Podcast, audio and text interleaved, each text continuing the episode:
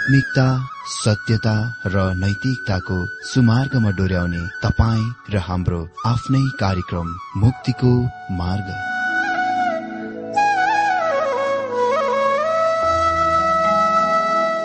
आदरणीय श्रोता यस मुक्तिको मार्ग कार्यक्रममा हार्दिक स्वागत छ।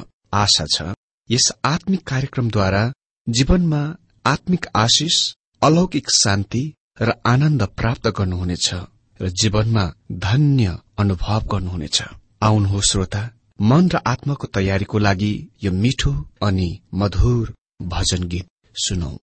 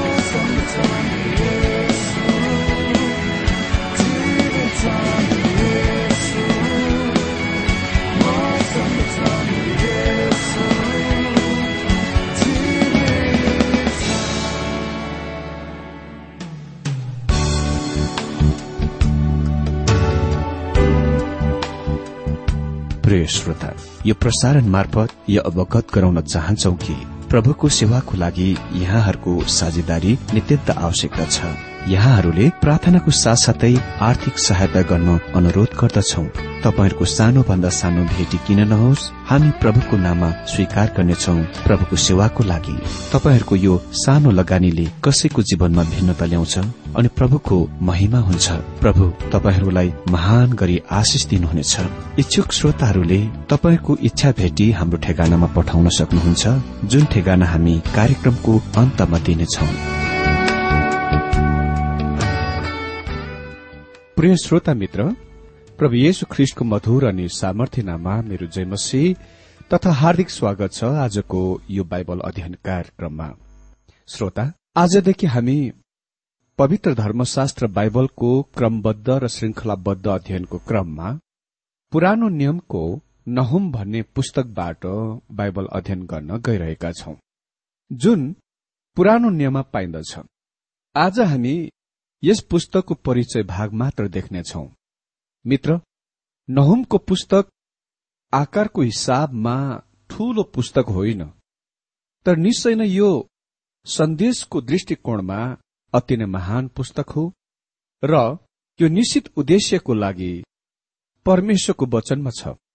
म यो भन्न साहस गर्दछु कि अति नै कम मानिसहरूले यो नहुमको सानो पुस्तकबाट सन्देश सुनेका छन्।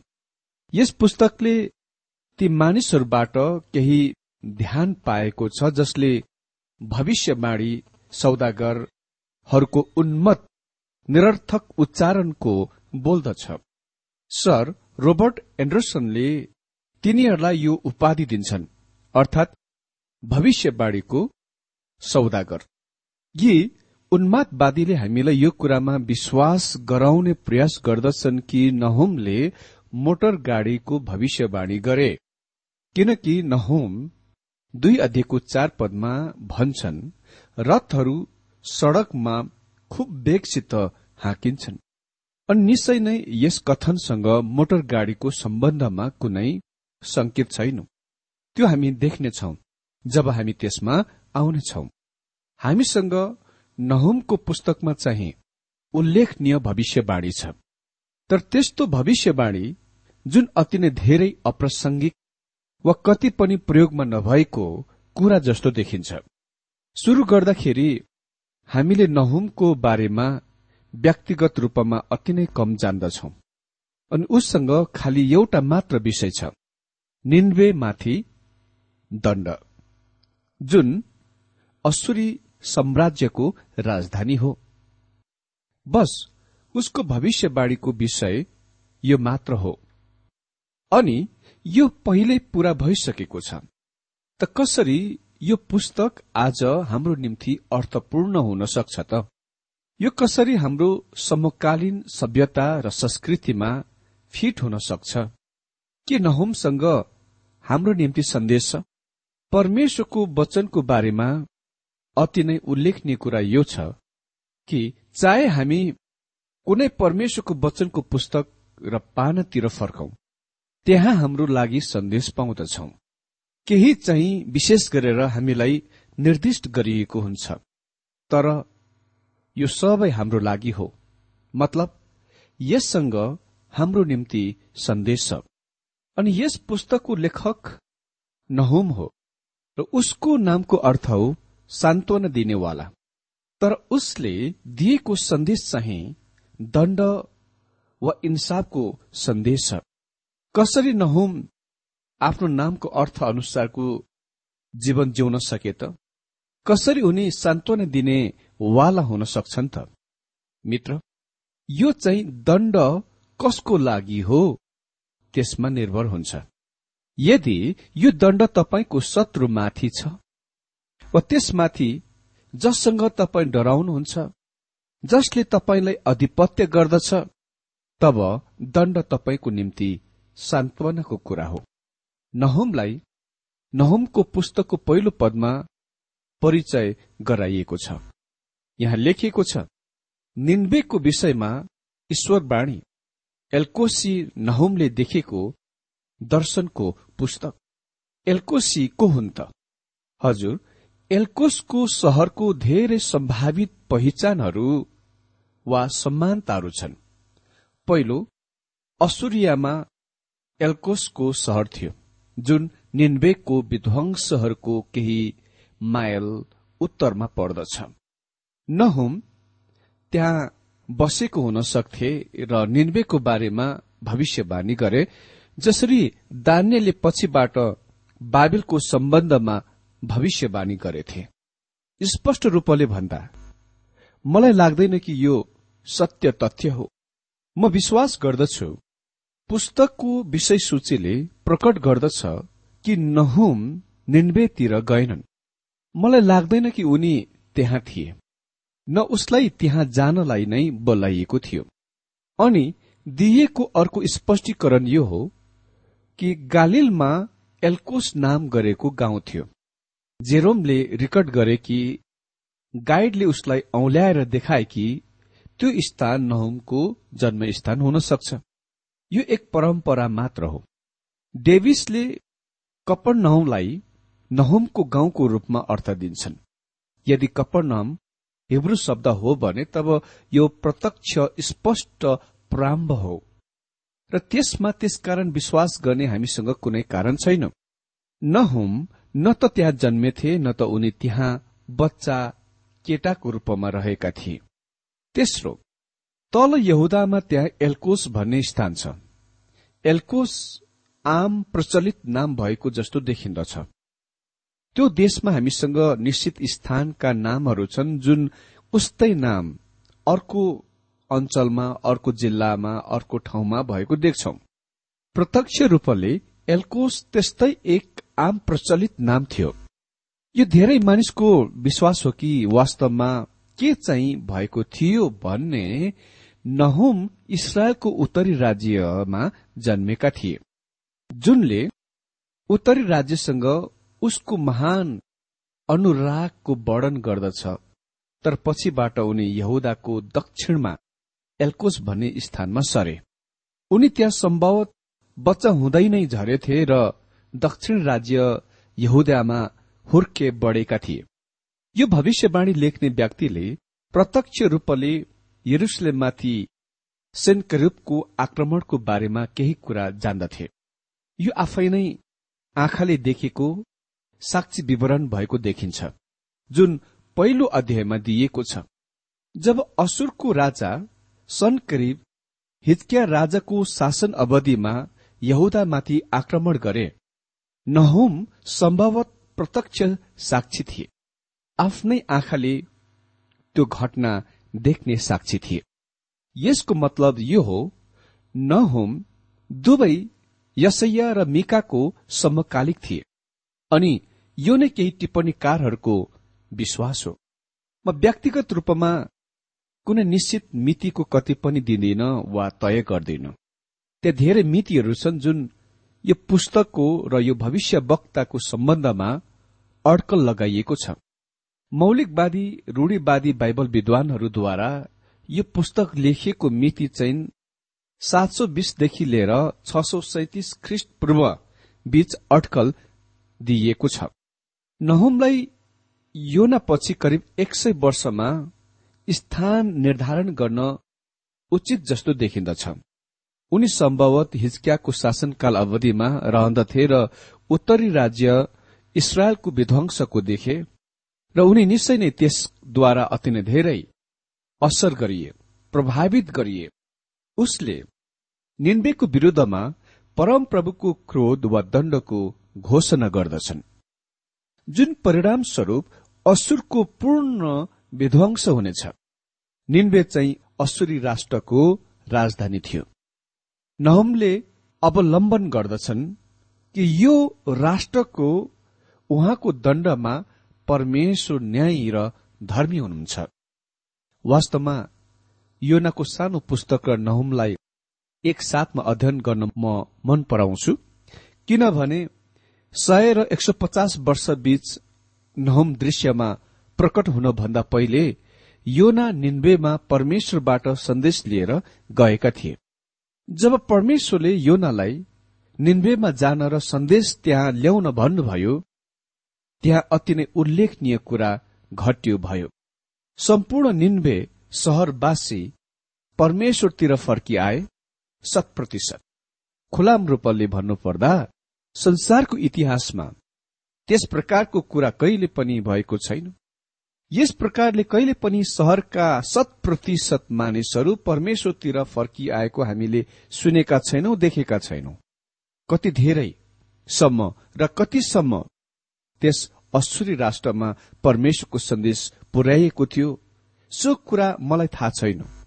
तर निश्चय नै निन्बे राजधानी सहर भएकोले गर्दा सम्पूर्ण राष्ट्रमाथि अति नै महान प्रभाव थियो र त्यस दिनमा परमेश्वरका अति नै ठूलो महान फर्किने काम भएको थियो। स्वाभाविक रूपमा प्रश्न उठ्छ कसरी परमेश्वरले व्यावहारिकतामा काम गर्यो त? के यो सधैँको निम्ति रहिरह्यो? के यो राष्ट्र ईश्वरीय राष्ट्र बन्यो? उत्तर हो अह। होइन। तिनीहरू ईश्वरीय राष्ट्र बनेनन्। त्यहाँ आत्मिक जागृतिको असर प्रभाव बिस्तारै बिस्तारै खत्तम हुँदै गयो। तिनीहरू आफ्नो प्रतिमा पूजातिर फेरि फर्की गए। तिनीहरू क्रूर निर्दयी हिंस्रक बने जस्तो कि त्यहाँ योनाले परमेश्वरको सन्देश ल्याएर जागृति आउनुभन्दा अघि थियो। यस राष्ट्रसँग परमेश्वरबाट सन्देश पाएथे। तर अहिले यहाँ नहोम अर्को सन्देश लिएर त्यहाँ आउँछन्। मलाई लाग्दैन कि नहोम वास्तवमा निन्वेमा गए। म विश्वास गर्दछु कि यो मानिस इसरायलको दक्षिणी राज्य यहुदामा रहन्थे। र मलाई लाग्दैन कि उसले त्यहाँ छोडे। तर यदि परमेश्वरले योनालाई निन्वेमा पठाउनु भए किन उहाँले नहोमलाई नपठाउने त? हजुर परमेश्वरको विधि तरिका फेरबदल हुन्छ अलग अलग हुन्छ। परमेश्वर निश्चय नै अपरिवर्तनीय हुनुहुन्छ उहाँ कहिले पनि परिवर्तन हुनुहुन्न। तर उहाँले आफ्ना विधिहरू तौर तरिकाहरू कहिले कहीँ बदल्नुहुन्छ? उहाँले योनालाई निन्वेमा पठाउनुभयो किनभने निन्वे महान दुष्ट सहर थियो। तर तिनीहरू पूर्ण रूपमा परमेश्वरको सम्बन्धमा अज्ञान अजान थिए। जब सन्देश त्यहाँ ल्याइयो बाँडियो त्यो सहर परमेश्वरतिर फर्क्यो। सिंहासनको राजादेखि लिएर गाउँमा किसान सबै परमेश्वरतिर फर्क्यो। परिणाम स्वरूप परमेश्वरले त्यस सहरलाई छुट्याउनु भयो बाँकी राख्नुभयो बचाउनु भयो अहिले सयदेखि एक सौ पचास वर्षहरू बितिसकेको छ र त्यो सहर फेरि आफ्नो पुरानो चालचलन अभ्यासतिर फर्किगयो किन नहुम? जाँदैनन्। किनभने तिनीहरूले पहिले नै ज्योति पाइसकेका थिए। तिनीहरूले त्यसको इन्कार गरे। प्रभु येशुले ज्योतिको बारेमा बोल्नुभयो जुनको इन्कार गरिएको थियो।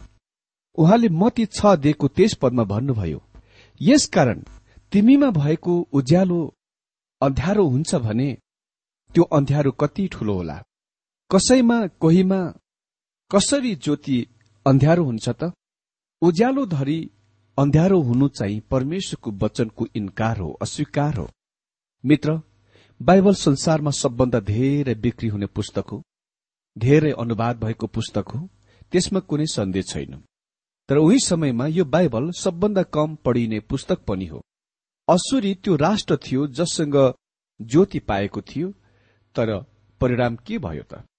यसकारण तिमीमा भएको उज्यालो धरी अन्ध्यारो हुन्छ भने त्यो अन्ध्यारो कति ठूल होला।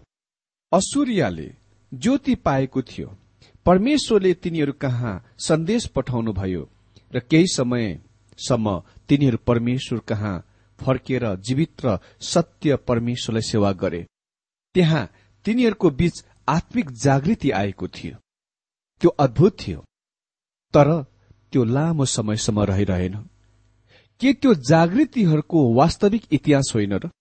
उही समयमा फ्रान्सले परिवर्तन पाएथ्यो। इङ्ल्याण्डले वेस्टली व्हाइटफिल्डको नेतृत्व मुनि जागृति पाएथ्यो।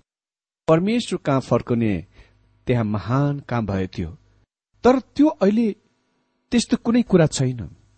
आज इङ्ल्याण्डमा हेर्नुहोस्। एक समयमा तिनीहरू विश्वमा पहिलो दर्जाको राष्ट्र थिए। तिनीहरू विश्वको महान राष्ट्रहरू बीच पहिलो दर्जा नम्बर वानमा थिए। तिनीहरू दोस्रो दर्जाका थिएनन्। तिनीहरू तेस्रो दर्जाका थिएनन्। तर आज तिनीहरू दर्जाको हिसाबले अति नै पछाडि सूचीमा पर्दछन्। के भयो त? तिनीहरू सत्य र जीवित परमेश्वरबाट टाढा भौतारी गए। एकजना प्रभुका महान जनले इङ्ल्याण्डमा आफ्नो यात्राको बारेमा भनिरहनु भएको थियो। उहाँको कथनलाई म यहाँ दोहोऱ्याउन चाहन्छु उद्धृत गर्न चाहन्छु उहाँले गाइडलाई भन्नुभयो वेस्टली पुरिएको दफनाइएको उसको चिहान वा कबर स्थानमा लानलाई। ऊ र ड्राइभर केही समयसम्म आपसमा कुरा गरे र शहरको नक्सामा हेरे। र जसै तसै नक्सा हेर्दै जाँदा त्यस स्थानमा उहाँलाई पुर्याइयो। गाइडले उहाँलाई भन्नुभयो यो पहिलो पल्ट हो मैले कसैलाई यहाँ ल्याएको। मलाई थाहा थिएन कि त्यो त्यहाँ थियो। इङ्ल्याण्डले वेस्टलीलाई बिर्स्यो तिनीहरूले बिर्से कि महान जागृति उसको नेतृत्वको अन्तर्गत भएको थियो परिणामस्वरूप त्यो आज विश्वको महान र समृद्ध राष्ट्रमध्ये नगण्य राष्ट्रको स्थानमा हुँदछ जुनसँग एक समय अति नै महान स्थान थियो महान गौरव थियो हेर्नुहोस् त्यो एक समयमा विश्वको सबभन्दा महान राष्ट्र पहिलो दर्जाको राष्ट्र तर आज चाहिँ त्यसको स्थिति बिल्कुल नित छ। किन? त्यहाँ कुनै आशिष छैन। किनभने तिनीहरू सत्य र जीवित परमेश्वरबाट टाढा भौतारी गए। अनि यो कुनै मण्डली र व्यक्ति विशेषको निम्ति पनि एकदम सत्य छ। यो नै तस्विर निन्वेकको दिइएको छ र यो नै नहुमको सन्देश हो। महान विश्व शक्ति असुरीय जुनको राजधानी निन्वे थियो। परमेश्वरबाट सन्देश पाएथे एक समय। तिनीहरू परमेश्वरतिर फर्केथे एक समय र केही समयको लागि परमेश्वरलाई सेवा गरे एक समय। अनि मलाई थाहा छैन कति लामो समयसम्म तिनीहरूले परमेश्वरलाई सेवा गरे तर सयदेखि एक सौ पचास वर्ष बिति गएपछि तिनीहरू त्यस स्थानमा फेरि पुनः फर्की गए जहाँ तिनीहरूले शुरूमा गर्ने गर्थे। रहने गर्थे जीवनयापन गर्ने गर्थे। अहिले परमेश्वर तिनीहरूलाई दण्ड दिन गइरहनु भएको छ। प्रश्न खड़ा हुन्छ के उहाँ त्यसो गर्ने काममा उचित न्याय सही हुनुहुन्छ त? त्यो गर्ने कि उहाँको निम्ति ठिक कुरा हो त? नहुमले भन्ने छन् उहाँ त्यो काम गर्ने कुरामा खाली सही मात्र हुनुहुन्न उहाँ असल भला पनि हुनुहुन्छ जब उहाँले त्यो गर्नुहुन्छ। कोही कोही मानिसले सोच्दछन् कि नहुमको पुस्तकलाई पट्टै लाग्दो निरसको पुस्तक भनिनु पर्दछ। तर नहुमको पुस्तक अध्ययन गर्नलाई अति नै अद्भुत पुस्तक हो। किनभने परमेश्वरको यसले विशेषता गुणको अर्को पक्ष वा तर्फीको प्रकट गर्दछ। परमेश्वर प्रेम हुनुहुन्छ। तर उहाँ उही समयमा पवित्र धर्मी र न्याय परमेश्वर पनि हुनुहुन्छ। उहाँले पाप दण्ड दिनुहुन्छ। त्यसपछि हामी यस पुस्तकको रूपरेखा पनि हेर्नेछौ। पहिलो अध्याय एक अध्याय एक पददेखि आठ पदसम्म मुख्य विषयको देख्छौ परमेश्वरको न्याय र भलाइपन दोस्रो अध्याय एकको नौदेखि पन्ध्र पदमा मुख्य विषयको देख्छौ परमेश्वरको न्याय इन्साफ र भलाइपन निन्वेकको नष्ट गर्ने र सुसमाचार दिने निर्णयमा सिद्ध गरिएको छ। तेस्रो अध्याय दुई र तीनमा मुख्य विषयको रूपमा देख्छौ परमेश्वरको न्याय इन्साफ भलाइपन निन्वेलाई नष्ट गर्न उहाँको निर्णयको सम्पादनमा प्रकट। अनि यस मुख्य विषयको अन्तर्गत शाखा विषय देख्छौ अध्याय दुईमा असुरीका सर्वनाश अध्याय तीनमा परमेश्वरको प्रतिशोधी क्रियाको उचित ठहराई यो नै रूपरेखाको आधारमा हामी अर्को दिनदेखि बाइबल अध्ययन गर्नेछौ। परमेश्वरले तपाईँ सबैलाई धेरै धेरै आशिष दिनुभएको होस्।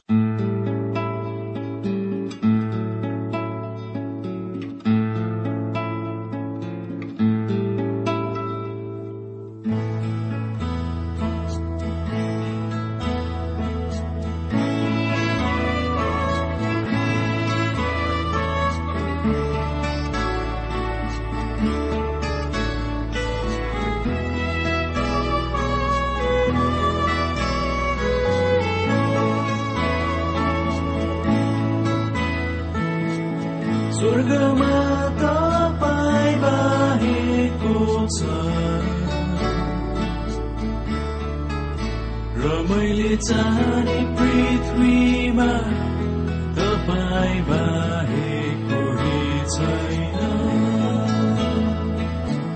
स्वर्गमा तपाईँ बाहेको छ। र मैले चाहने पृथ्वीमा तपाईँ बाहेक कोही छैन। मेरो मन तन्हार छ। मेरो मन तन्हार छ। तर परमेश्वर मेरो चट्टान मेरो मन तन्हार छ। मेरो तन्हार छ तर परमेश्वर हुँ मेरो चट्टान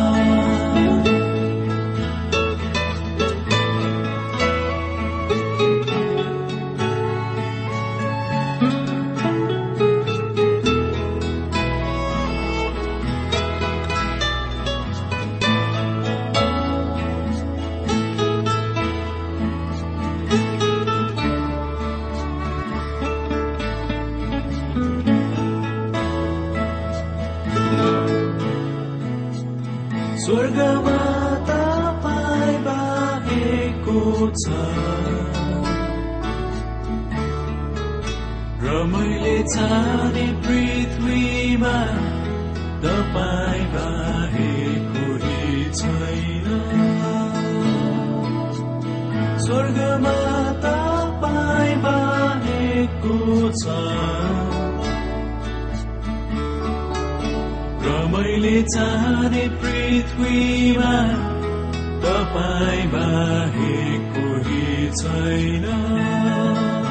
मेरो मन र तन्हार छ मेरो मन छ तर। परमेश्वर हुँ मेरो चट्टान मेरो मन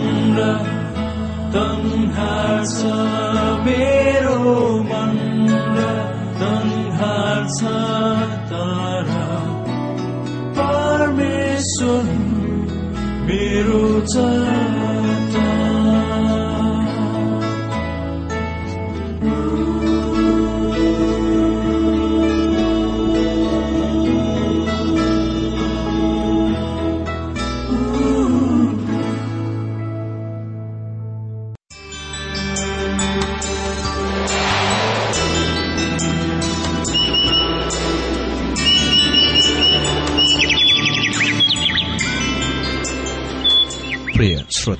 अहिले भर्खरै तपाईँले टीडब्ल्यूआर नेपालद्वारा सञ्चालित आत्मिक कार्यक्रम मुक्तिको मार्ग सुनिरहनु भएको थियो। श्रोता आजको यो कार्यक्रम सुनेर तपाईँलाई कस्तो लाग्यो? यदि यो कार्यक्रम सुनेर मनमा कुनै खुल्दुली वा कुनै प्रतिक्रिया अर्थात सुझावहरू छन् भने हामीलाई पत्रद्वारा लेख्न सक्नुहुनेछ।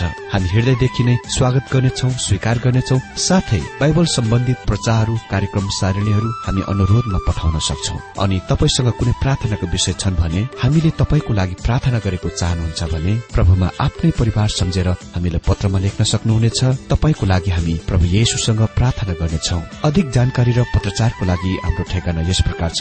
कार्यक्रम मुक्तिको मार्ग जीपीओ नम्बर उनानब्बे पचहत्तर इपिसी पच्चिस एकसठी काठमाडौँ। ठेगाना एकपल्ट सुन्नुहोला कार्यक्रम मुक्तिको मार्ग जीपीओ नम्बर उनानब्बे पचहत्तर इपिसी पच्चिस एकसठी काठमाडौँ। हाम्रो इमेल एड्रेस हो TWR Nepal at Yahoo dot com साथै यस नम्बरमा एसएमएस गर्न सक्नुहुनेछ अन्ठानब्बे चार सत्तरी पैंतिस छ सय उनासी नौ आठ चार सात जिरो तीन पाँच छ सात नौ। हुन्छ श्रोता आजलाई हामी विदा चाहन्छौ। अर्को कार्यक्रममा हामी पुनः भेट्नेछौ तबसम्मलाई नमस्कार।